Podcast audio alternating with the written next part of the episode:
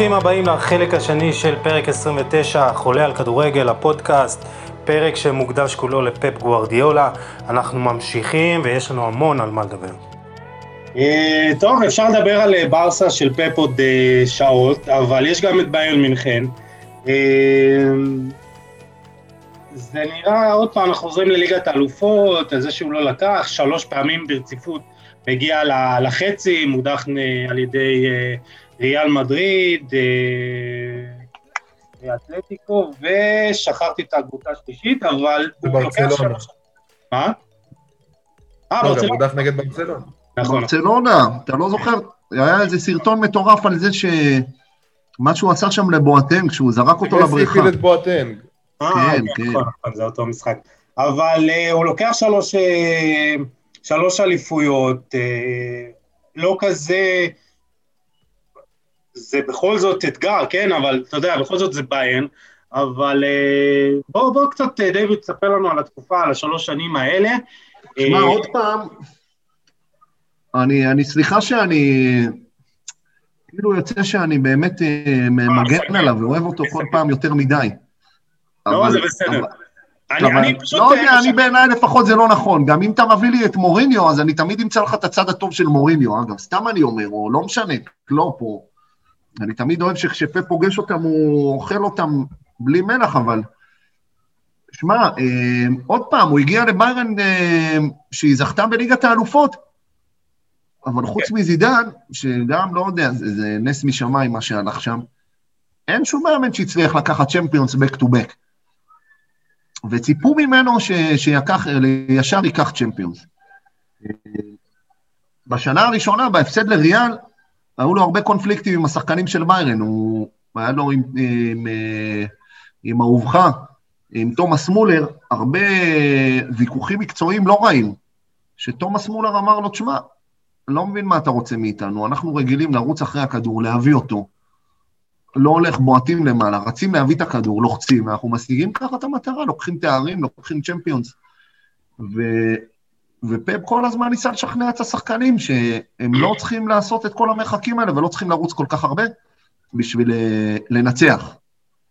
מה שקרה בשנה הראשונה נגד ריאל מדריד, זה שאהובך הגיע אליו יומיים לפני חצי הגמר, ואמר לו, תשמע, אנחנו רוצים לשחק את הכדורגל של יו פנקס. תן לנו להוכיח לך שאנחנו צודקים. ואני לא יודע איך זה קרה, ופפ הסכים. אה, ריאל פתחה אותם. נגמר 4-0. נכון, נגמר 4-0. אתה רואה פתאום ש... שביירן לא לוחצת אחרי עיבוד, ואתה רואה כדורים ארוכים, ואתה אומר, בואנה, זה של... זה לא הקבוצה של פפ. עכשיו, מה אומר האוהד הממוצע? אה, בושה וחרפה, תראה איך הם נראים, ברגעים של לחץ הם נשברים, שאף אחד לא מכיר את הסיפור מאחורה בכלל. אה, עכשיו, אני לא אלך ויגן עליו כל עונה לגבי כל משחק שהיה לו, אבל עוד פעם, תשמע, כל שנה יש לה את הסיפור שלה, זה לא יעזור. אליפות בליגה... מה זה אומר אבל בעצם הכדורגל, מה זה אומר הכדורגל של היינקס אה, שהם רצו לשחק? שזה מעברים, שזה כדורים ארוכים, שזה לחץ בחצי של היריבה וכדורים שניים, ולא לבנות את המשחק מאחורה. הרי מה כל הכדורגל של פפ? למה פפ רוצה להניע את הכדור מאחורה? עזוב פפ עכשיו, כן? כל הרעיון של הכדורגל. אתה רוצה לבנות את המשחק בצורה מסודרת. בשליש ההגנתי, בשביל להגיע בצורה מסודרת לשליש ההגנתי, בשביל שתוכל לתכנן כמה שיותר את המעבר לשליש ההתקפי. זה הכל, ואז כל מאמן עם הרעיונות שלו. ו- ואצל יו פנקס זה לא היה, זה היה יותר עוצמות, יותר ספרינטים, יותר כדורים ארוכים, יותר כדורים שניים. ביירן היו מספיק חזקים, מספיק טובים, מספיק מגובשים, ו- והצליחו uh, להביא את, ה- את התואר של הצ'מפיונס. עכשיו... Uh, מה, מה הוא בכל זאת הביא לביירן? מה, מה באמת הביא...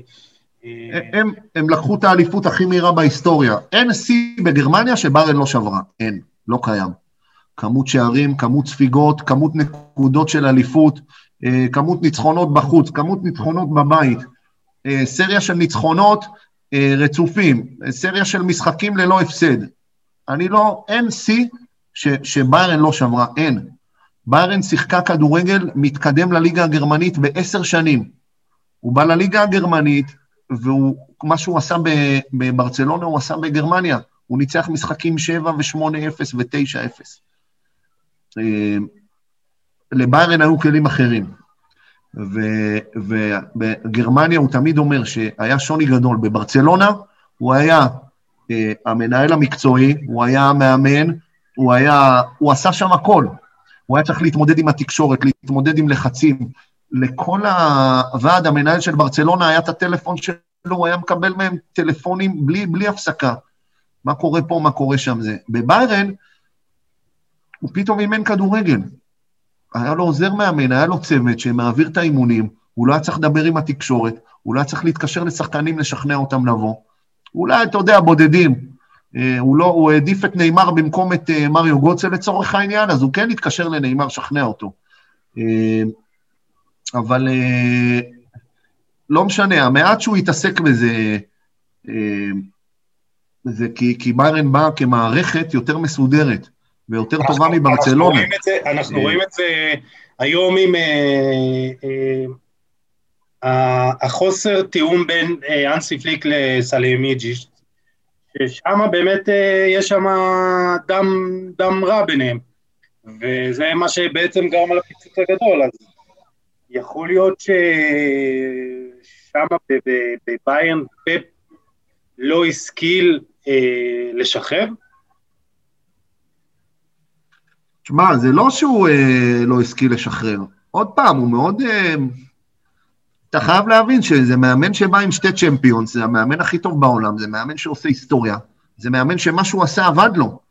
אה, ברור שיש דברים שצריך לתקן, מערכתית, ניהולית, אה, אתה יכול להיכנס למלא רזולוציות, גם בקבוצות הכי טובות בעולם היום, תמיד יש מה לשפר ולתקן. אבל הוא בא ממקום שהוא יודע דברים מסוימים, והוא הלך ולמד שנים, והוא עם אותם אנשי מקצוע, והוא בא מהכדורגל, זה לא שהוא בזר. והסיפור שהיה לו שם עם הרופא לצורך העניין, או כל מיני דברים אחרים, זה בא מהרצון שלו לגרום לקבוצה בסוף אה, אה, להיות טובה יותר. לא משנה מבחינת כדורגל, פיזית, מנטלית, או כל דבר אחר. אבל דווקא שם אני לא מסכים עם זה שהוא אה, לא שחרר. הוא היה שם חבר של שחקנים, אתה תראה סרטונים מאימונים שלו מביירן, הוא בועט לשחקנים בתחת וצוחק איתם, ונכנס איתם לאימון, ו... והוא מאוד מאוד אהב להיות בביירן, מאוד, הוא נהנה שם בטירוף. אז אם אתה מדבר על היחסים שלו עם שחקנים, אני ברשותך רוצה לקחת אותך דווקא אה, קצת אחורה, בכל זאת לתקופה בברצלונה, אה, כל הסיפור שהיה עם זלטן איבראימוביץ', זלטן איבראימוביץ' פרסם את זה באוטוביוגרפיה שלו, הוא מדבר על זה שבעצם פאפ בא אליו ממש מהאימון הראשון, וכאילו הוא אומר לו, אז, אז זה עוד היה בחצי צחוק, הוא אומר לו, אה, פה שחקנים, אה, לא, בברצלונה שחקנים לא מגיעים לאימון בפורש. אחרי זה באמת, זלטן מספר שפאפ דרש ממנו דברים, שזלטן בא לו, אני, אני, אני מטר תשעים, אני מטר תשעים ומשהו, אני שוקל כמעט מאה קילו, אני לא יכול לבצע את הדברים שאתה, שאתה מבקש ממני. אני חושב שאתה מקריב את כל הקבוצה, והוא אמר לו גם עוד דבר, שהוא חושב שהוא מקריב את כל הקבוצה בשביל מסי. ובאמת אה, פפ ישב והקשיב והקשיב והקשיב, ואמר לו, אוקיי, אני, אני מבין מה אתה אומר. ומאותו רגע פשוט זלאטן לא, לא ראה מגרש, וצריך להגיד שזלאטן, את הקדנציה, את הקדנציה שלו בברציונה התחיל דווקא בצורה מאוד מוצלחת. אנשים שוכחים את זה, מאז שהוא כבש את השער ניצחון בקלאסיקו, באמת הפקיע שם אה, במשך המון משחקים ברצף. אבל זה, זה לא עבד. אז יכול להיות שבכל זאת פפ לא נתקל עד אז באמת בכוכב בסדר גודל כזה, זאת אומרת, כן היו כוכבים, אבל אה, הם לא היו עם אופי של כוכבים. שחקנים כמו צ'אבי, כמו מסי, אה, גם עם אתו בסופו של דבר זה לא עבד. אז מה באמת לא נכון. לא עבד עם זה? אתו וזלטן היו מאוד דומים. שמע, אה, זה, זה אה, גם איתו, בוא נגיד, בוא, בוא נסתכל רגע על איבראימוביץ', הם היו בדיוק מה שפפ פחות uh, מתחבר אליו כשחקן. נכון, uh, חלוץ תשע כזה, כאילו... גם חלוץ תשע, וגם כמו שאתה אומר, תבין, תבין שלצורך העניין רודרי עכשיו בסיטי ופפ, פפ בא לאימונים של ברצלונה בשנים הראשונות עם איזה אופל ישנה. אה, ועוד פעם, הוא גדל בכפר, בואו נחזור לזה. רודרי, אגב, בסיטי אותו דבר, הוא היה, בא, הוא היה מגיע לאימונים של אתלטיקו מדריד באופל ישנה, יש להם סיפור מאוד אה, יפה ביחד, אבל מה שאני רוצה להגיד לך זה שפה בא מכפר, הוא בא מעולם מאוד צנוע, הוא בא מעל המסיעה. הוא בא מכל הרעיון הזה שכל אה, הפוזה והשופוני של השחקנים זה משהו שהוא פחות מתחבר אליו. אה, ברסה רצתה להנחית בכוח כוכב על. זלטן רצה, ו, ועוד פעם, למרות שהוא הבקיע, יש את הסיפור המוכר על תיארי אנרי, שפפ, תיארי אנרי עושה צמד במשחק, עושה הפוך ממה שפפ אומר לו, כובש צמד במחצית, ובמחצית פפ שם אותו על הספסל, מחליף אותו. אה, הוא קבע שערים, אבל את פפ זה לא עניין, פפ מעניין אותו איך הקבוצה שלו משחקת כדורגל. ו... ואיבראימוביץ' רצה להיות אה, ה alpha male, הוא alpha male, זה לא שהוא רצה. הוא הגיע, והוא רצה ש... שפפ יהיה איתו, ושמסי כאילו יהיה מאחוריו. עוד פעם, בסוף ההימור של פפ הצליח לו ללכת עם מסי. אה, אבל הוא נורא לא אהב שחקנים כאלו, ודקו היה כזה, ורונלדיניו היה כזה, שחקנים של שואו-אוף, ושחקנים שאוהבים ליהנות, ושחקנים שנוהגים בפרארי. וזה לא הפרארי מה שהפריע לפפ. בסוף מי שיש לו פרארי, אה, אתה תצחק על זה, כנראה מנסה לחפות על משהו. ופפ אהב איניאסטות, והוא אהב מסי, והוא אהב צ'אבי, ו... ו... והוא אהב ויקטור ולדז, והוא אהב פויול, והוא אהב פיקה. זאת אומרת שזלאטן לא התאים לו ל... לא התאים באופי. זלאטן קודם כל לא התאים באופי. עכשיו, אני אגיד לך יותר מזה, סוף העונה, ברצלונה מוכרת את זלאטן בהפסד. זלאטן נכנס לפפ למשרד הקטן שלו, אומר לו, תקשיב, אני מתחנן, תשאיר אותי. מה שאמרתי לך, אני מצטער, אני אתיישר, אני אעשה מה שאתה רוצה. ואיתו, אגב, עשה אותו דבר. וזה היה פשוט מאוחר מדי. אני אגיד לך למה, סתם דוגמה, זה, אנשים אוהבים להגיד, פאפ, קבוצות, בלה בלה בלה. היה לו רעיון מאוד ברור לגבי איך להצליח, ואיבראימוביץ' הפריע לו להצליח, ואתו הפריע לו להצליח. אז הוא התגמש עם אתו שנה, והוא התגמש עם איבראימוביץ' שנה. אבל הוא לא היה מוכן בטווח הארוך לעבוד איתם, והוא קיבל את מה שזלטן אמר לו, אבל הוא לא הסכים עם זה. אה, איידור גודיונסן אמר פעם, יש, ואני אשלח לכם אחר כך, יש המון קטעי וידאו מאוד מעניינים אה, אה, על, על הסיפור בין, אה, בין מוריניו לבין פפ. אבל גודיונסן אומר, הוא, גודיונסן שיחק בצ'לסי אצל מוריניו ושיחק בברצלונה אצל פפ. וגודיונסן אומר, ההבדל הכי גדול, ואני מאוד מתחבר לזה, בגלל זה אני אומר את המשפט הזה, גודיונסן אומר, ההבדל הכי גדול בין מוריניו לפפ, זה כשלמוריניו היה עימות עם שחקן, הדבר הראשון שהוא היה עושה, הוא היה קופץ על העימות הזה. זה היה בשבילו מלח ואוכל. ופפ, ברגע שהיה עימות, הוא היה נמנע ממנו. והסיבה שאני מאוד... מצד שני הוא גם ספג על זה ביקורות, שאתה אומר, כאילו, זלאטן אומר שפפ הוא, הוא, הוא כן אחד המאמנים הטובים שהוא, שהוא התאמן תחתם, מקצועית, אבל הוא הכי לא בוגר, הוא הגדיר את זה ככה, כי הוא אומר שהוא לא יודע לפתור בעיות. ככה הוא ראה את זה. הוא ידע לפתור בעיות עם אחרים, הוא ידע לפתור בעיות... עם צ'אבי, הוא ידע לפתור בעיות עם דני אלווס, הוא ידע לפתור בעיות עם פאברגס ועם פיקה, והוא ידע לפתור בעיות. אה, שמע, עוד פעם, בסוף, להיות מאמן ולהיות שחקן זה לא אותו דבר. אני בטוח שמה שפפ עשה בהתחלה עם אברהימוביץ', היום הוא לא היה עושה. אה, הוא בא לסיטי עם אגוורו. יש איזה קטע מטורף שבמחצית הוא מחליף את אגוורו וצורח עליו, וזה הכל בשידור ישיר. ואגוורו מתקרב אליו וכאילו מאיים עליו. ואתה רואה בסוף המשחק, אתה רואה את שניהם מתחבקים. אה, לכן, אה, וגם במסיבת עיתונאים, פפ אומר, אין בעיה, היו לי הסכמות, הוא כעס, אני כעסתי, אבל בסוף אנחנו כאן בשביל אותה מטרה, ו... וגוררו שיחק אצלו אחר כך בהרכב, עזוב את השנה, כן, זה היה לפני שנתיים או שלוש, לא זוכר. אז גוררו המשיך לשחק, והוא שיפר אותו כחלוץ וכן הלאה. לכן אני חושב שגם אם היו לו בעיות עם שחקנים, כמה שחקנים אלה היו? זה אחד-שתיים, בסוף הוא היה מאמן צעיר, הגיוני שהוא יעשה טעויות. והגיוני שלא עם כל שחקן הוא יסכים, זה בסדר גמור, הוא לא צריך שכולם יאהבו אותו ויגידו, בואנה, זה אלוהים, איזה גאון הוא, איזה טוב הוא, איך אני אוהב אותו. גם יאיה טורי, אגב, לא סובל אותו. נכון. אבל uh, יאיה טורי המציא עליו סיפורים שהוא נגד uh, שחקנים אפריקאים, והוא ידע שכשהוא בא לסיטי הוא יעיף אותו, כי יעיף אותו מברצלונה. יאיה טורי עשה בברצלונה אצל פפ את השנה הראשונה שלו, שנה מטורפת. העונה הראשונה ב-8-9, הייתה עונה מדהימה. בטח. עכשיו, הוא, עבר לסיטי, יאיה טורי הגיע לגבהים בקריירה שלו הרבה פעמים בעזרתו של פפ, אבל... זה סתם, הנה תראה היום, היום יאיה טורי לפני איזה חודשיים או שלוש, בא לבקר, התנצל, עשה מסיבת עיתונאים, דיבר הפוך. יכול להיות שהוא צריך אותו היום כי הוא, אה, כי הוא אה, בצד השני של העולם של הכדורגל, בתקשורת או, או משהו, אבל הגיוני שהוא לא יסכים עם, עם כולם, הגיוני שלא תמיד היחסים יהיו טובים. וזה בסדר, מאמן לא יכול להיות דמות אהובה על כל העולם. אם הוא דמות אהובה על כולם, אז אה, לדעתי להפך, הוא אפילו בבעיה.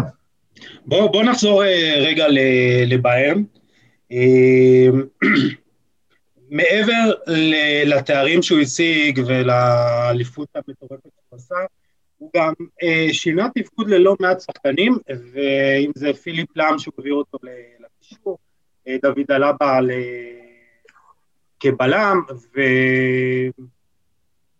והוא כן הצליח, אתה יודע, אה, אה, לצאת אה, מאיזה קיבעון מסוים, והוא כן הצליח לעשות משהו, ואנחנו רואים את זה היום, דוד אלבה הוא אחד השחקנים המבוקשים ביותר, באמת בזכות הגיוון הזה, שהוא יכול לשחק כמעט בכל עמדה חוץ מ... לא יודע, שוער. אז איזה, איזה דברים הוא כן עשה בביירן שאתה רואה? עוד דבר שדיברנו עליו זה הכניסה של, הקש... של המגינים לאמצע להשתתף בבילדאפ, אז בביירן הוא כן שדרג את עצמו. אנחנו רואים את זה גם היום. שמע, עוד פעם, היתרון האדיר שלו בביירן זה היה שהוא באמת יכל להתעסק באימון. הוא הפך את חווי מרטינז לבלם, בלם טופ עולמי שהוא היה קשר אחורי טוב. ובספר שלו. על התקופה שלו בביירן, כתוב שם ממש יפה שבמשך חצי שנה היו שומעים את הצרחות של פפ כל יום. זוז לפה, לך לשם, אל תמסור עכשיו, צא קדימה, בוא אחורה, תפתח זווית מסתירה וכן הלאה. אז הוא ראה את חווי מרטינס כבלם, ו, ופיליפ לאם, בשיטה של פפ, הוא חייב מגנים מטוסים. אמ, אם הוא רוצה שישחקו על הקו, תשים לב שיש לפפ, יש לו קנסלו וזינצ'נקו, שזה שתי מגנים שיודעים לשחק באמצע, ויש לו ווקר ומנדי, שזה שתי מגנים שיודעים לשחק על הקווים. זה נורא תלוי אצלו מה מבחינת השיטה הוא רוצה נגד היריבה שלו. אמ, לכן, פיליפ לאם לא היה מהיר, הוא היה חכם, הוא היה מנוסה, אבל הוא כבר uh, היה בן 30, והוא ראה איך פיליפ לאם, בגלל האינטליגנציה שלו, יכול לתרום לו יותר בקישור. עוד פעם, אני חושב שפה זה גאונות של, של מאמנים, שהם רואים בשחקנים דברים שמאמן אחר לא יכול לראות. והוא ראה בחווי מרטינס בלם, והוא ראה בפיליפ לאם אה, אה, קשר אחורי אחד שיכול לנהל את המשחק. אה, קח דוגמה, אגב, זה נתן איבראימוביץ', מנג'וקיץ', הוא לא הסתדר איתו, כי זה חלוץ תשע טיפוסי, ומנג'וקיץ' אומנם שיחק, אבל הוא סוף השנה עזב. אתה חושב שמנג'וקיץ' אהב אותו, שהוא מדבר דברים טובים על פאפ? גם מנג'וקיץ' עזב שם, אבל הוא שדרג מאוד את, את אריאן רובן. הוא עשה, הוא עשה ממריו גוץ דברים אדירים. היה לו זמן להתעסק באימון. זה הדבר הכי חשוב, וכשהיה לו את הזמן האמיתי להתעסק באימון, אז מעבר לגאונות של, ה, של הטקטיקות שלו בברצלונה, בברצלונה הוא אמור להתעסק בטקטיקה, בביירן הוא שידך לפתח את השחקן. אף אחד לא קימח בליגה הרביעית בגרמניה. יוזו אקימיך היום, חוץ מחלוץ, יכול לעשות כל תפקיד על המגרש. חוץ מחלוץ ושוער. בעיניי זה אולי השחקן כיום הכי שלם בעולם. בטח, יוזו אקימיך זה תאווה לעיניים. איפה שאתה שם אותו, הוא שיחק בנם, הוא שיחק מגן, הוא שיחק קשר אחורי, הוא משחק קשר קדמי. הוא גם התחיל, הוא גם התחיל כמגן, ועשה את ההסבה. נכון, נכון, היה לו... זה למה, אגב, פיליפ לאם גם לא תמיד היה נכנס מהקו, אלא הוא היה משחק גם כקשר. היה לו שם זמן, פשוט מאוד. היה לו זמן להתעסק בשחקנים. היה במשחק האחרון שלו, הוא רצה לשים את מנואל נויר כבלם. כן. תשמע, זה כבר אפילו מוגזם לפה. לא, ומי, אני לא זוכר מי שם היה, כן, התנגד לזה לחלוטין, הוא אמר שזה יהיה... כן, אולי מתיאס זאמר, אני לא זוכר, הוא אמר לו שהוא הולך לבייש את כל הליגה הגרמנית אם הוא הולך לתת לו לשחק כקשר. אבל הוא היה מטורף שם, ובארן הייתה מחליפה שיטות ביירן שיחקה שם, ב, לא זוכר את המספר המדויק, אבל הוא פשוט, הוא החליף שיטות אה, אה, בצורה מטורפת. עכשיו, זה עוד פעם חוזר לזה שאין, אה, יש סגנון, יש סגנון למשחק ויש עקרונות, אבל השיטה לא קיימת, כי אם הוא זיהה שטחים באזורים מסוימים, אז הוא החליף כל הזמן. אה, ותשמע, עוד פעם, זה לא סתם, הוא השפיע על כל הכדורגל הגרמני, הכדורגל הגרמני עד היום אתה תראה, על כל העולם, אבל הכדורגל הגרמני פתאום התחיל להניע כדור, פתאום לבנות מאחורה. אה, פתאום, אה, פתאום תומאס טוכל בא, ובמיינץ, וקלופ בדורטמונד, וניסו לחקות אותו המון מאמנים. כן. הוא השפיע מאוד על הכדורגל הגרמני. הבנתי, אז הוא סיים את גרמניה והוא הגיע לאנגליה והשפיע גם על אנגליה בצורה מדהימה עם אה, שלוש אליפויות בחמש עונות, אה, כולל שתיים ברצף, uh, פעם אחת גביע אנגלי, ארבע פעמים גביע ליגה ועוד פעמיים במגן הצדקה. Uh, דיברנו כבר על ליגת האלופות וטחנו את זה מספיק, אבל עוד ביקורת מאוד מאוד uh, ככה uh, שהיא uh, בולטת, זה הכסף, עניין הכסף. והנט ספנד, הסכום נטו שהוזבז על צרכנים בתקופה שלו, אה, מגיע ל-704 מיליון לירות סטרלינג, וזה באמת אה, הסכום הכי גבוה. יונייטד אה, שנייה, שזה מראה כמה הכישלון שם משמעותי, עם 655 מיליון, ליברפול שישית עם 278 מיליון, אז זה, זה גם איזה נושא מאוד מאוד אה, חשוב שכדאי לדבר עליו, ובכלל, אה, פפ הוציא אה, בסביבות אה, אולי 300 מיליון אירו על אה, שחקני הגנה. זהו, אתה שם לב לאופי של זה, כולם, כמעט כולם שחקני הגנה. כן, אז... הוא מאוד, מאוד חשוב לו, אני חושב, הקטע של, ה, של ה build-up, בגלל הקטע של ה build-up מאחורה, זה להתמקד בשחקני הגנה מאוד מאוד ספציפיים שאותם הוא רוצה. ועם ההתקפה, כאילו תחושה כזאת שעם ההתקפה הוא כבר יסתדר. אז בוא תענה על הביקורת הזאת, דיוויד, עכשיו הסינגור על ה... נתחיל מזה שבעיניי זה סכום אה, זעום. 700 אה, מיליון אה, יורו זה שטויות. זה כסף נזיל. אני אגיד לכם יותר מזה, תשמע עוד פעם, קח את מנצ'סטר יונייטד, הם לא הוציאו שם סכומים מטורפים, הוציאו. ליברפול, עם כל הכבוד, יורגן קלופ הגאון. הוא לא הצליח עד שהוא לא קנה את אליסון, ועד שהוא לא קנה את ונדייק, ועד שהוא לא קנה שלושה ארבעה שחקנים שימצבו לו את הסגל. אה, עוד, אתה תלך איתי לכל קבוצה, אני אגיד לך אותו דבר. אותו דבר, תראה כמה כסף תחילת העונה הזאת צ'לסי הוציאה. אה, עדיין לא מצליחה. אגב, אני יותר מזה, אתה יודע מה אני אגיד לך? תראה אותם שהם קונים את כל השחקנים ועדיין לא מצליחים. אז הוא קונה ומצליח. עכשיו, הוא הגיע לסיטי ב-2016, כשסיטי היא קבוצה מבוגרת, שאני חושב שהזכר היחידי לסיטי זה פרננדיניו, מאז שהוא הגיע. קומפני מבוגר, ובקארי סאניה, וגאל קלישי, שחקנים שאתה לא יודע איפה הם משחקים בכלל היום. אה, סטרלינג היה בדיחה. בדיחה, הם קנו אותו מליברפול אה, כמה, שנתיים לפני ב-40 ומשהו, אני יודע להגיד לך ששתי שחקנים, שחקן אחד או שני שחקנים, הוא הסכים להחתים בזמנו, זה את גונדואן ואת דה בריינה. זה הוא אישר כשהוא היה עוד בניו יורק. אה, כשהוא היה, סליחה, בניו יורק, כשהוא היה בביירן. כי בביירן כבר ידעו בדצמבר שהוא הולך לסיטי. אה, אבל הוא הגיע לקבוצה מפורקת. עכשיו, סיטי, עוד פעם, פפ, יש את הוויכוח הזה כל הזמן שהוא קונה, והוא בוא נראה אותו מאמן קבוצות קטנות. פפ נולד להיות מנכ"ל של מרצדס. הוא לא ישחק עכשיו, הוא לא יעבור לפיאט. אני לא מצליח להבין את האנשים האלה שאומרים למה הוא לא הולך לקבוצה קטנה ולמה הוא קונה שחקנים יקרים. למה? כי יש לו. למה הסגנון ו... שלו לא מאפשר לו את זה? למה לא? כי הסגנון שלו זה סגנון שדורש המון המון המון המון משחקנים ספציפיים, שאם הם לא יכולים להביא לידי ביטוי את הדברים האלה, את ה... גם את הפוזיישן, גם את הלחץ הגבוה, אוקיי, נגיד את הלחץ הגבוה סבבה, אבל מה שהוא עשה בברצלונה, ומה שהוא עושה בסיטי ובביירן, דברים שהוא לא יכול לעשות בלי השחקנים האלה, שזה לא, שלא תבינו נכון, זה לא מוריד כהוא זה ממה שהוא עושה, כי השחקנים האלה גם לפני זה ואחרי זה הם לא הגיעו לאותם הישגים. אבל עדיין הוא צריך את השחקנים מהסוג הזה ש, שיתאימו לו כדי להביא את, את הרעיונות האלה. אחד, זה נכון. שתיים, הוא אומר את זה בעצמו. כמו כל מאמן, כמו כל מאמן דרך אגב. נכון. עכשיו, קח את אה, אה, אה, לייפציג נניח. לייפציג גם קונה שחקנים, אבל היא קונה שחקנים בהתאם לתקציב שלה. סיטי קונה שחקנים בהתאם לתקציב שלה, הוא צריך לשים 68 מיליון יורו על רובן דיאז, הוא ישים, הוא צריך 40 על נייתן אקה, כי הוא רוצה את נייתן אקה בלם רביעי. בלם רביעי, כי היום אתה צריך סגלים מטורפים שיש לך כל כך הרבה משחקים.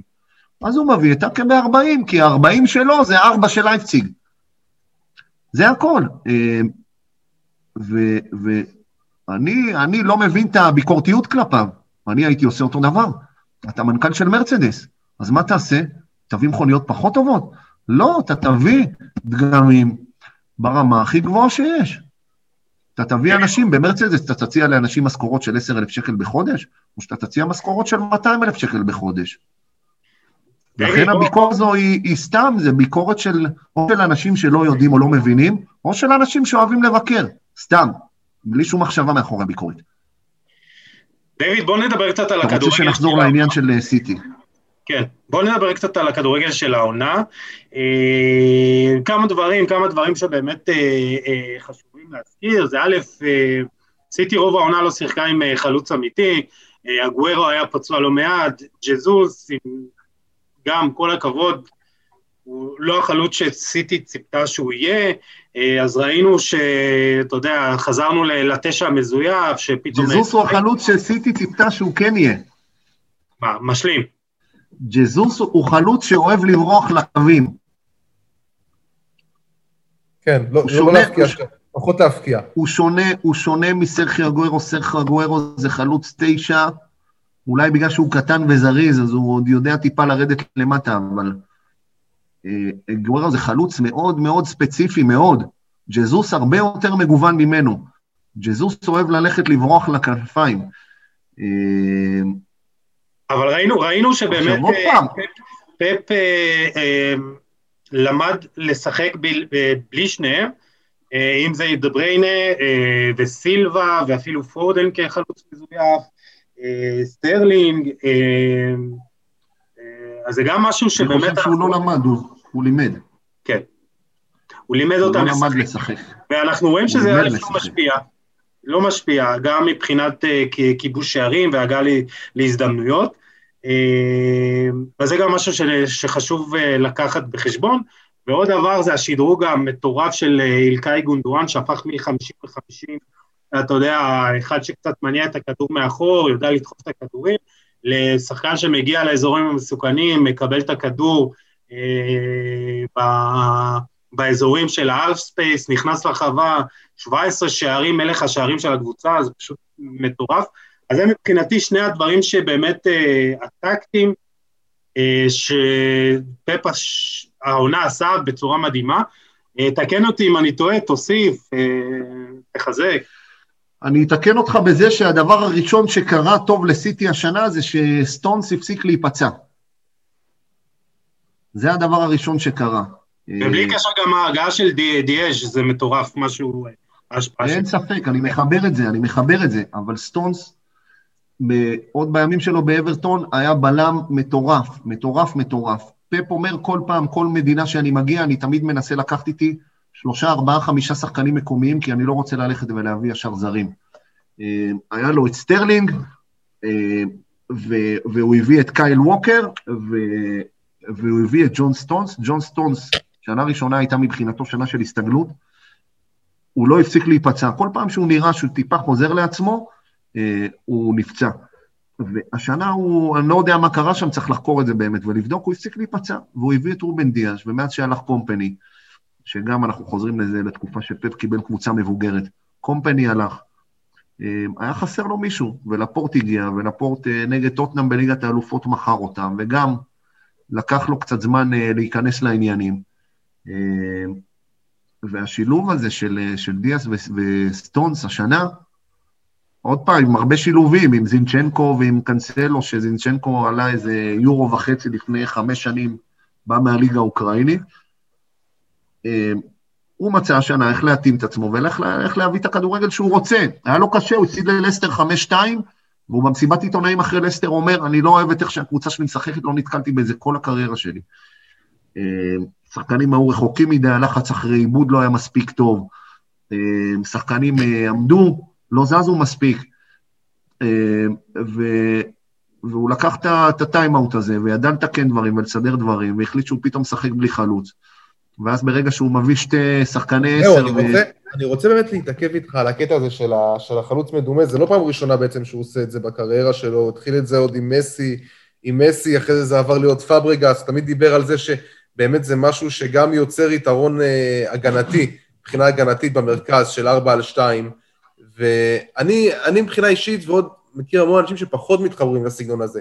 השאלה אם הוא עושה את זה אם זה משהו שהוא עושה בלית ברירה, או שעכשיו לדוגמה, אנחנו שומעים אה, כל מיני דיבורים על זה שסיכוי גבוה שנגיד הארי קיין יגיע השנה הבאה, אז עם הארי קיין אתה, אתה מן הסתם לא תשחק בשיטה הזאת. אז זה משהו שהוא לית ברירה, או שזה באמת משהו שהוא מאמין בו? כי השנה לא, ראינו המון... לא, זה לא משהו.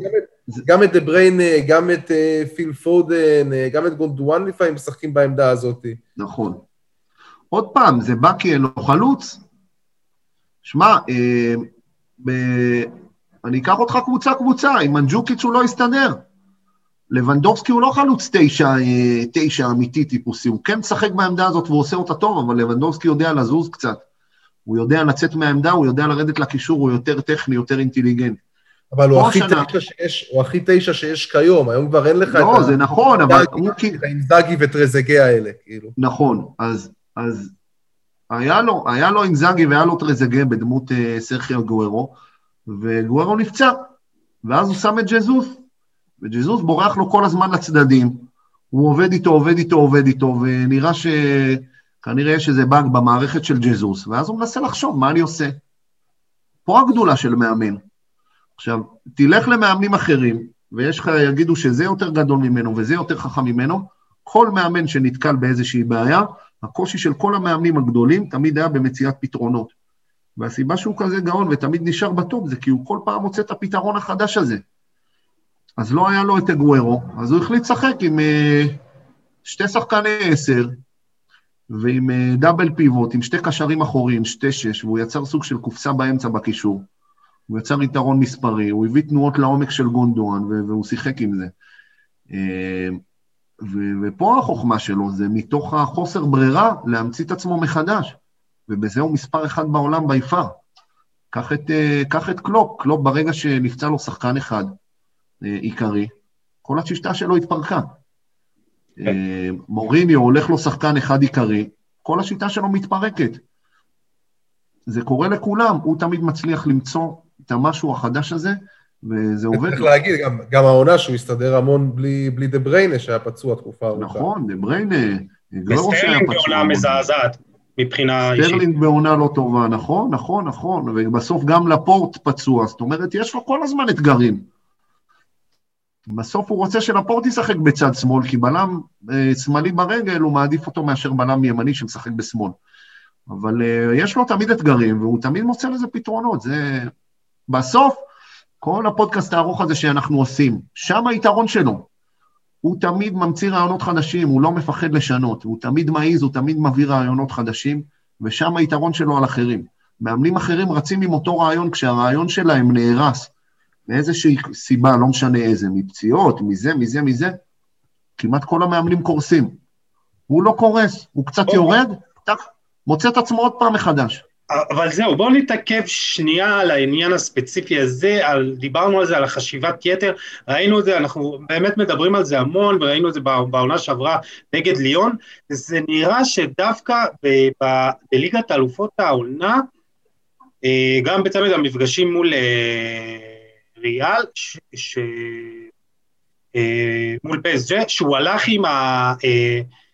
עם ההרכב שלו ולא שינה. כאילו, הוא הלך עם ההרכב הכי חזק שלו, ופשוט כאילו, הוא אמר, אני מאמין בזה, לא משנה. כאילו, אני לא... שמח שאתה אומר לי את זה. אתה יודע למה אני שמח שאתה אומר לי את זה? כי ככה אני יכול להפריח את כל הנושא הזה של uh, חשיבת יתר. אתה יודע מה היה נגד פריס סן ג'רמן? אתה יודע איך הוא שיחק נגד פריס סן ג'רמן? נו. 4-4-2, הוא לא זז מזה כל המשחק. מצ'סטר סיטי החזיקה בכדור את המספרים הכי נמוכים שלה בהיסטוריה, 47 אחוז החזקה בכדור.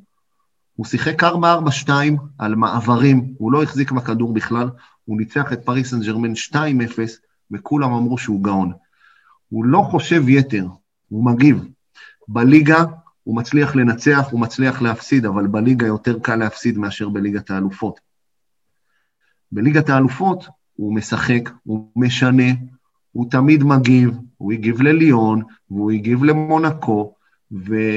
והוא הגיב לטוטנאם, אה, והוא הגיב עם ביירן לכל הקבוצות שהוא, אתלטיקו מדריד אגב, אה, ביירן אתלטיקו מדריד, היה שם, אני חושב, את הכדורגל הכי איכותי שראיתי בחיים שלי, קבוצת כדורגל משחקת, שהם ניצחו 2-1, והם הפסידו במשחק הראשון 1-0 מאיזה התקפת uh, מעבר, ועפו.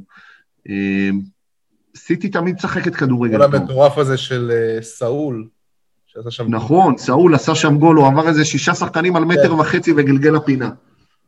כן. ואתלטיקו לא שיחקה כל המשחק, היא לא בעטה לשער חוץ מזה. מה שאני מנסה להגיד עוד פעם, שזו לא חשיבת יתר, זה פפ. זה הכדורגל, זה המאמן המודרני. המאמן המודרני חושב, מגיב, תוך כדי משחק, ממציא רעיונות, מחליף שיטות, מחליף לשחקנים מיקומים. הוא רואה את ליון משחקת בצורה מסוימת, הוא ראה שנה שעברה שיש לליון שתי כנפיים סופר מהירים, סופר חזקים. הוא חשב איך להגיב, הוא הגיב עם קו חמש, אז אה, בקו חמש במשחק אחד עבד לו, במשחק אחר לא עבד לו. טוב, הגענו לצ'לסי סוף סוף, באמת אה, אנחנו מדברים כן, המון. כן, תודה רבה לך באמת. אבל uh, אנחנו מדברים המון בגלל שיש uh, משחק מאוד חשוב ביום שבת, גמר ליגת האלופות מול uh, צ'לסי, גמר כל אנגלי, ואנחנו קיבלנו שני מפגשים uh, בין uh, סיטי לצ'לסי של טוחל שהיא שונה לחלוטין. Uh, וראינו בשני המשחקים האלה, uh, קודם כל, צ'לסי הצליחה לנטרל את סיטי בצורה מדהימה. ומה שראינו במשחק השני בליגה זה באמת איזה קרב מוחות מדהים מבחינתי, זה שחמט בין שני טקטיקנים גדולים, ודיברת דיוויד על זה שמאמן מגיב ושפפ מגיב, אה, ראינו את טוחל עושה מהלך, פפ מגיב וההפך, זה היה קרב מדהים, אה, אבל אם הייתי, אה, בוא נגיד, נוטה יותר סיכויים לצ'לסי, ראינו שדווקא טוחל מתקשה במשחקים האחרונים, אז בואו נתחיל קצת לדבר על המפגש הזה, קצת על טוחל, על הקשר ביניהם, ואיזה משחק אנחנו הולכים לראות. אוקיי, okay, שמע, בגדול, המאזן הכי, הכי גרוע של טוחל נגד כל המאמנים באירופה הוא נגד פפ. אה, אתה תיקח את כל המאמנים הגדולים ותיקח את היחס אה, ניצחונות, הפסדים, אז אה, התוצאה בין שניהם היא, כרגע היא 6-2 לפפ, 4-2 לפפ, סליחה. פפ ניצח אותו במפגש הראשון שלהם אה, כשטוחל אימן במיינץ.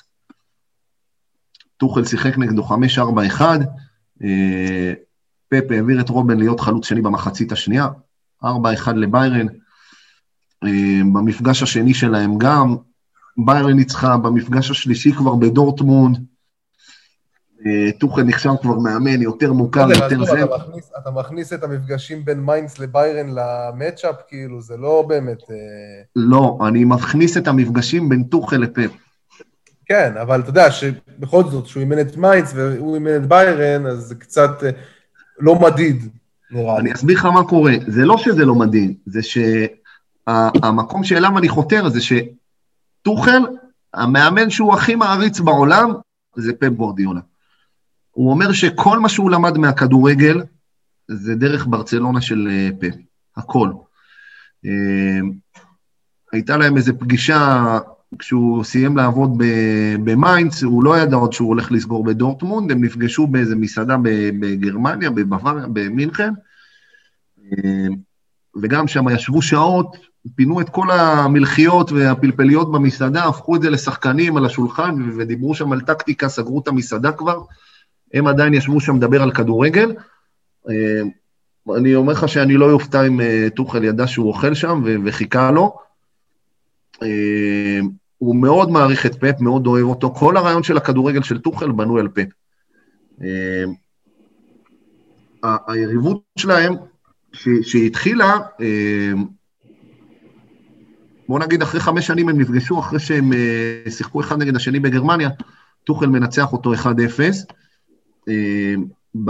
בגביע האנגלי, ובמשחק האחרון צ'לסי ניצחה 2-1, כשפפ משחק בקו 5, הוא משחק עם מאקה, עם סטונס ודיאז, משחק עם מנדי ו... וקנסלו בקווים, והוא משחק בעצם עם אה, רודרי, סטרלינג וטורס משחקים כ-50-50, וג'זוס ואגוארו משחקים כחלוצים. הוא שיחק בעצם עם קשר אחד ועם ארבעה שחקני התקפה, שהם למעשה, חוץ מאגוארו, שלושה שחקנים שיוצאים לקווים, בנוסף לקנסלו ולמנדי, הוא עשה שם בית ספר לטוחל. הם הפסידו 2-1, אבל אם היית רואה את המשחק, אה, אה, גוורו החמיץ שם פננקה, יכל לעשות 2-0. אה, יש שם המון, יש שם משחק מוחות עוד פעם, ברמה הכי גבוהה של הכדורגל. מה אני רואה מבחינת התוצאות? צ'לסי יריבה קשה.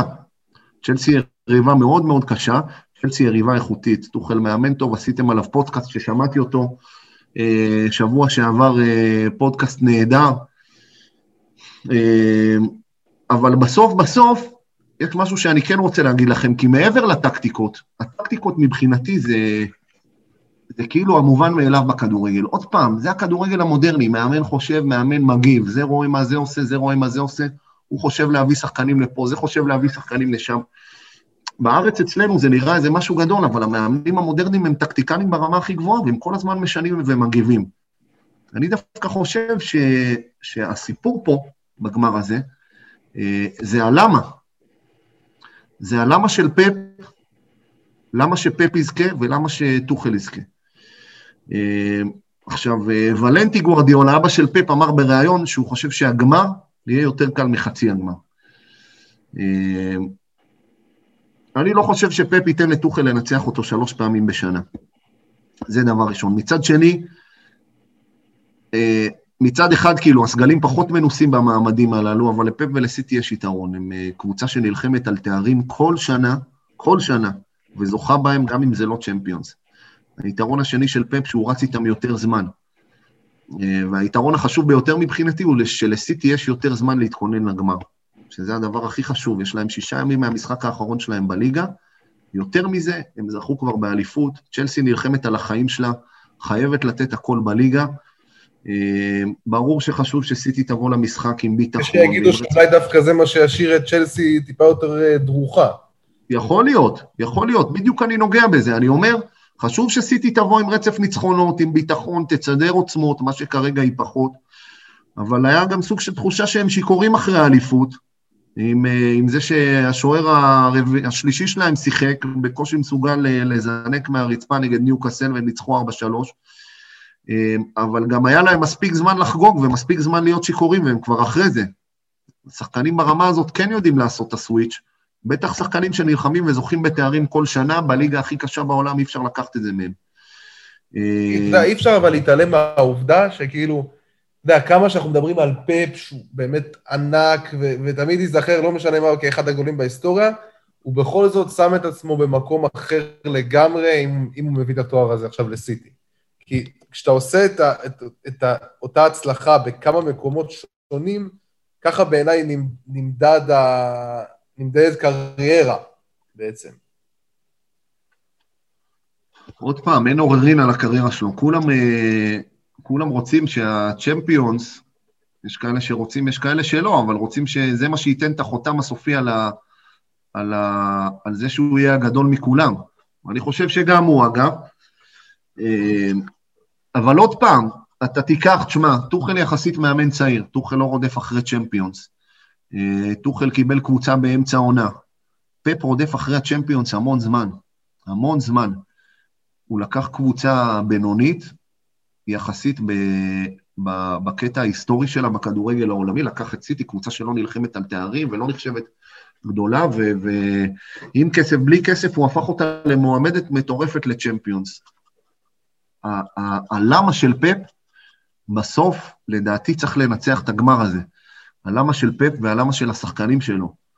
המערכת של סיטי הרבה יותר מוכנה והרבה יותר בשלה. השחקנים של סיטי יותר מוכנים, יותר בשלים. פפ עצמו יותר מוכן ויותר בשל, ויש מה, מהתקופה הקצרה שלי כמאמן כדורגל, אין מגיע בכדורגל, זה, זה לא עובד אף פעם. יכול עוד פעם לבוא לפורט ולהחליק, וצ'לסי עושים 1-0 ונגמר המשחק.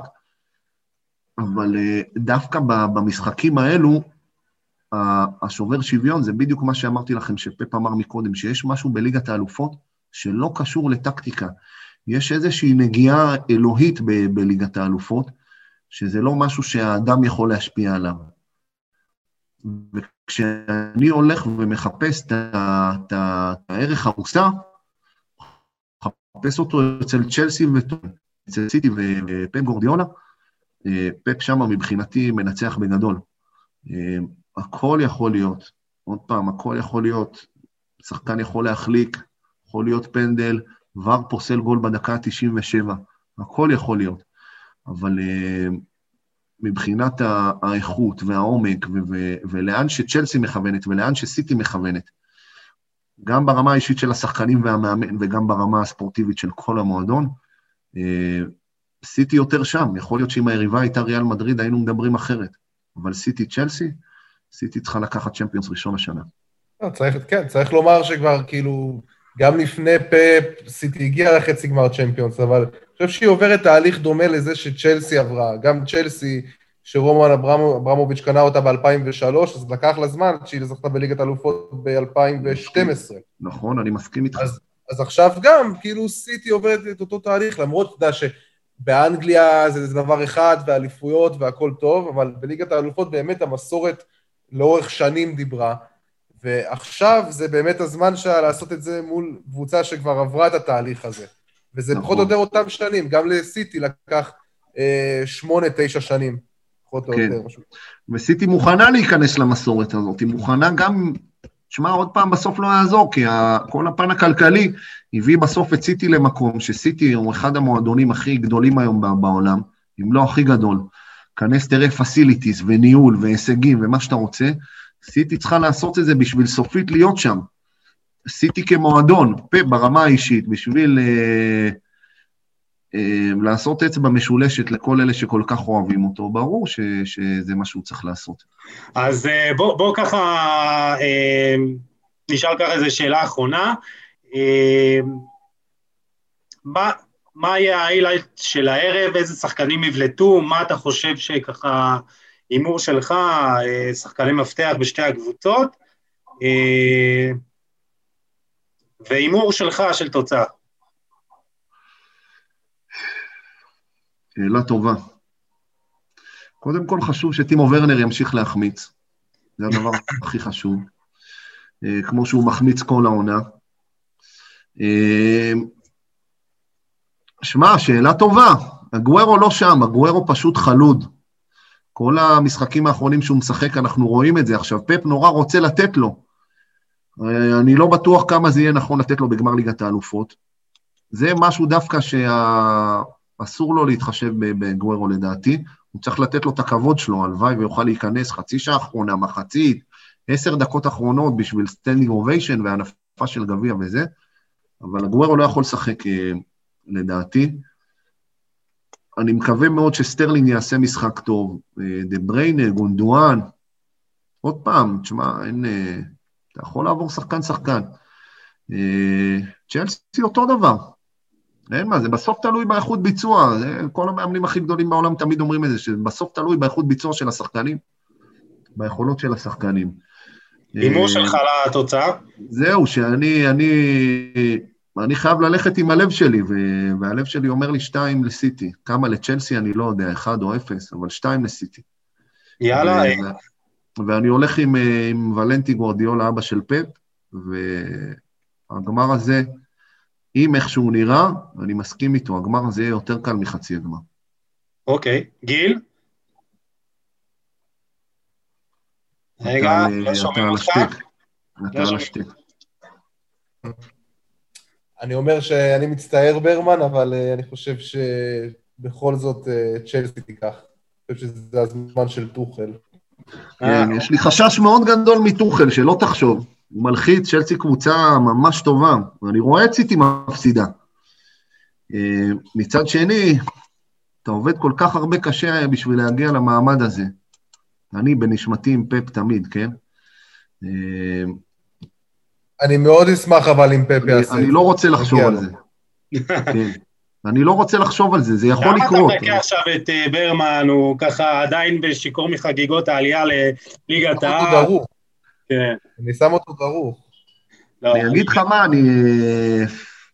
אם יש קבוצה, יש מאמן, אני לא אוהד של קבוצה, אני מאמן, אני אוהד של פפ, לא יעזור. אני אוהב את ברצלונה, אני אוהב את אינטר. אתה כמו, אתה כמו אוהדי, יש אוהדי רונלדו ומסי בישראל, אתה אוהד פפ. כן, לאיפה שהוא הולך, באמת. אני תקוע עם ברסה ואינטר בגלל רונלדו הברזילאי, אבל... אה, ורונלדו לימד אותי לאהוב את פפ וכן הלאה, אבל... אה, אם יש משחק שאני לא יכול לראות כמו מאמן, זה משחקים של פפ. משחקים נגד ליברפול, משחקים כאלה שאני בעצבים וקם וצועק ומשתגע. אה, אז אני יודע שנזיע, אני יודע שנסבול בגמר הזה, ואני יודע שלא נוכל לשבת, אבל אני מקווה שזה, שזה ישתלם, כי מגיע לנו. אני חושב שמה שבאמת אה, ככה מקשר בין כל הדמויות שדיברנו עליהן, ומי שנמצא פה בשיחה, זה אותה תשוקה הזאת של אה, לרצות כדור, לראות כדורגל טוב ואיכותי, אה, והתשוקה להיות אה, טוב יותר כל הזמן, אה, ולהיות ייחודי. אני גם רצון אישי וגם מחשבה שאני גם באמת הולך עם, גם עם ברמן פה, גם ניצחון של סיטי, יותר לכיוון ה-2-0 כזה. אמן. בעזרת השם. אתה רואה? וזהו, נראה אם אנחנו, אם אנחנו אה, נהיה צודקים, אבל אה, אני חושב שהגיע הזמן שנסכם את הפרק הזה, שהוא אה, מרגיש כמו איזה סרט דוקומנטרי על אה, פפ גוורדיולה. הפרק הארוך בהיסטוריה. כן. כן, ועוד השמטנו הרבה דברים. נכון. אה, לא, את האמת, באמת הכנו הרבה דברים, ואם מישהו עדיין נמצא איתנו, אז שתדעו שזה היה פרק שהוא מאוד... אם אנשים, אם אנשים עדיין פה, אז עשינו עבודה טובה. כן, לגמרי. אה, גיל, אתה רוצה לסכם את הפרק, את ה... מה שדיברנו עליו? תשמע, היה תענוג, באמת היה סיפורים מרתקים ש... שגם אני לא שמעתי, גם, גם בהכנה לפרק הזה, בעצם למדתי המון דברים על פאפ, אתה יודע, מעבר לכל מה שאנחנו יודעים על הלחץ והטיקי טקה ו... ו... וברצלונה, וכל כך הרבה דברים מעבר, כל כך הרבה דברים ש, שדרכם אפשר ללמוד על, על כדורגל, אז אין יותר כיף מזה. ואני חושב שהיה פרק מאוד מוצלח, ותודה רבה לדיוויד שהעניק לנו מהידע העשיר שלו. תענוג, והלוואי ואנשים גם אה, ידעו להעריך את התוכן האיכותי שאנחנו מביאים להם. דיוויד, סיכום שלך? אמ, אני מתחבר למילים האחרונות של אה, גיל. הסיבה שאתם פה, אני בא קצת, אני בא יותר מעולם האימון, אבל uh, כדורגל שלנו uh, תקוע כל כך הרבה שנים מאחורה, גם, ב, גם באימון וגם בדיבור עליו וגם בפרשנות, ו, וכל כך חשוב מה שאתם עושים. ו, והיה לי מאוד מאוד חשוב לבוא, והיה לי מאוד חשוב להתכונן ו, ו, ולרשום את הדברים, ולקרוא דברים שכבר קראתי, אבל עוד פעם ככה לחזק את, ה, את הרעיונות לפני. אמ, נורא חשוב שהשיח יהיה שונה, כי אם אנחנו רוצים להוביל איזשהו שינוי, אנחנו לא נוכל לעשות את זה אם נמשיך, אני לא אציין שמות, אבל לדבר על כדורגל כאילו זה, זה קופסת קוטג' בסופר. אמ, זה, זה חשוב, זה חשוב לשיח, זה חשוב למי שאוהב כדורגל, ואנחנו יודעים שיש המון אנשים שאוהבים כדורגל כמונו. וכמו שגיל אמר, אם אנשים עדיין יושבים ומקשיבים אחרי כל כך הרבה זמן, זה אומר שעשינו משהו טוב. זה חשוב שנשמור על זה. ולשניכם אני רוצה להגיד תודה, ובאמת כבוד גדול בשביל אה, להתארח אצלכם. היה לי מאוד מאוד כיף, אה, קצר לדעתי, אבל כיף. ו... ו... וזהו, תמשיכו עד הפעם הבאה, כן. אל תדאג, אל תדאג, אתה עוד אה, תגיע אלינו בעתיד. יש לי עוד איזה רעיון לפרק אחר כך שנשתף אתכם לגביך, אבל בלי קשר אתה, אתה עוד תתארח. נכון. קודם כל תודה רבה, שיהיה בהצלחה גם בליגת העל וגם בליגה הלאומית לנוער, מאחל לך המון הצלחה. תודה רבה. ואנחנו, נראה לי שאנחנו נסכם פה. היה לנו פרק ממש מדהים, וכמו שגיל אמר, חשוב לנו מאוד להמשיך לתת לכם תוכן איכותי, ייחודי ומעניין, ואנחנו באמת כל הזמן מנסים. הפרק הבא יהיה גם פרק לקראת ליגת האלופות עם נדב יעקבי, אז אם אתם עדיין איתנו, אז תהיו מוכנים. אז תודה לכם מאזינים ומאזינות שהייתם איתנו, אתם מוזמנים לשתף, לתייג, להאיר את עינינו. אנחנו ניפגש בפרק הבא עם עוד תוכן איכותי, מעניין וייחודי. תשמרו על עצמכם, יאללה, ביי.